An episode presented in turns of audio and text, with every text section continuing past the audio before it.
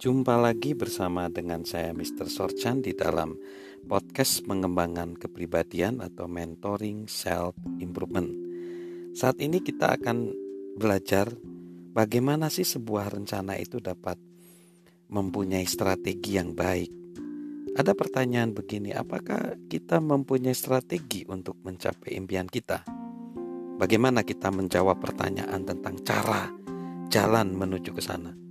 Apakah kita sudah berusaha menyusunnya, atau apakah kita menunggu ada satu peri, peri dalam dongeng, seperti dongeng-dongeng yang memberi kita jaminan untuk Anda, yang seperti digambarkan dalam tokoh-tokoh kartun dalam film Walt Disney, yang mengharapkan bintang di langit dan menunggu dan mengharapkan menjadi kenyataan.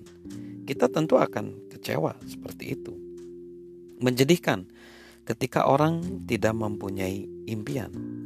Tapi sama menyedihkan ketika mereka mempunyai impian tetapi tanpa strategi untuk mencapai impian itu. Tidak ada jalan untuk membuat pendakian ke sana atau membangun dasar di bawahnya.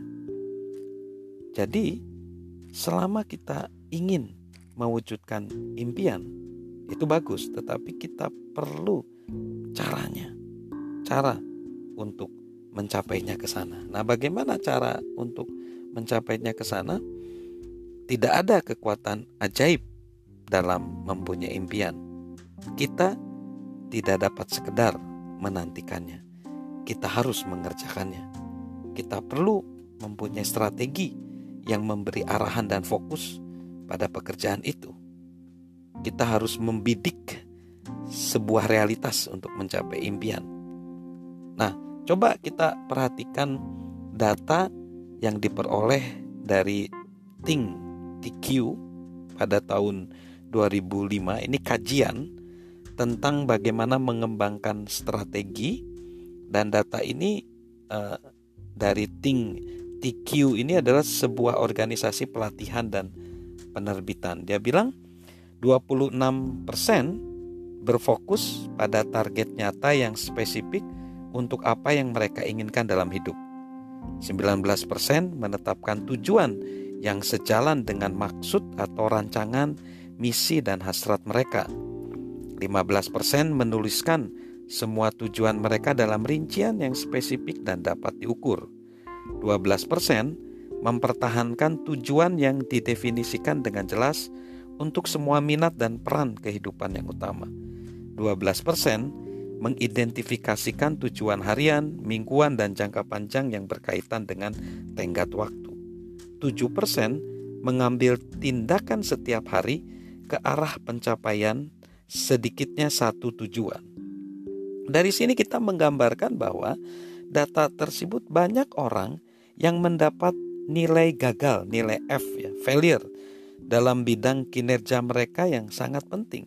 Mereka gagal untuk secara konsisten mengambil tindakan. Karena ternyata hanya 7% yang mengambil tindakan, yang lain cuman perencanaan saja. Kegagalan ini karena sedikit sekali yang mempunyai perencanaan yang strategis. Nah, bagaimana supaya kita dapat membuat perencanaan yang strategis?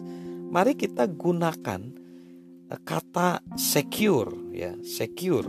Secure itu ber, berisi dari kata s i c u r e secure. Yang pertama state.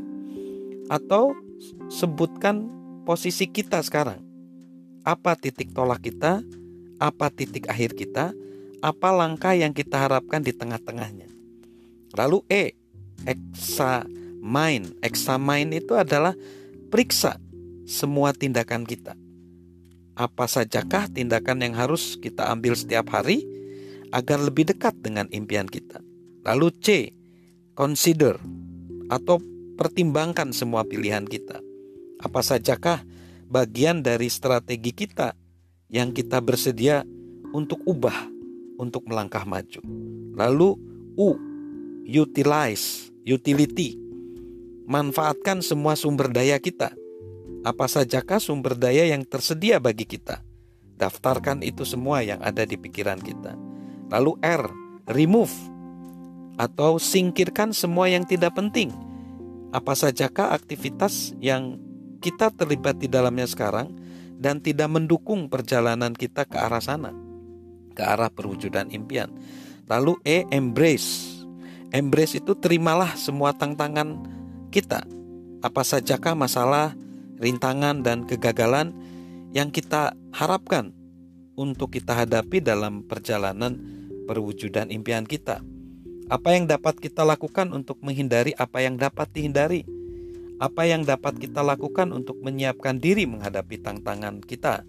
Apa yang harus kita lakukan untuk menyiapkan diri menghadapi kegagalan? Jadi nanti kita akan belajar secure itu ya, state E examine, C consider, U utilize, R remove dan E embrace. Kita akan belajar di segmen berikutnya. Salam sukses luar biasa dari saya, Mr. Sorchan.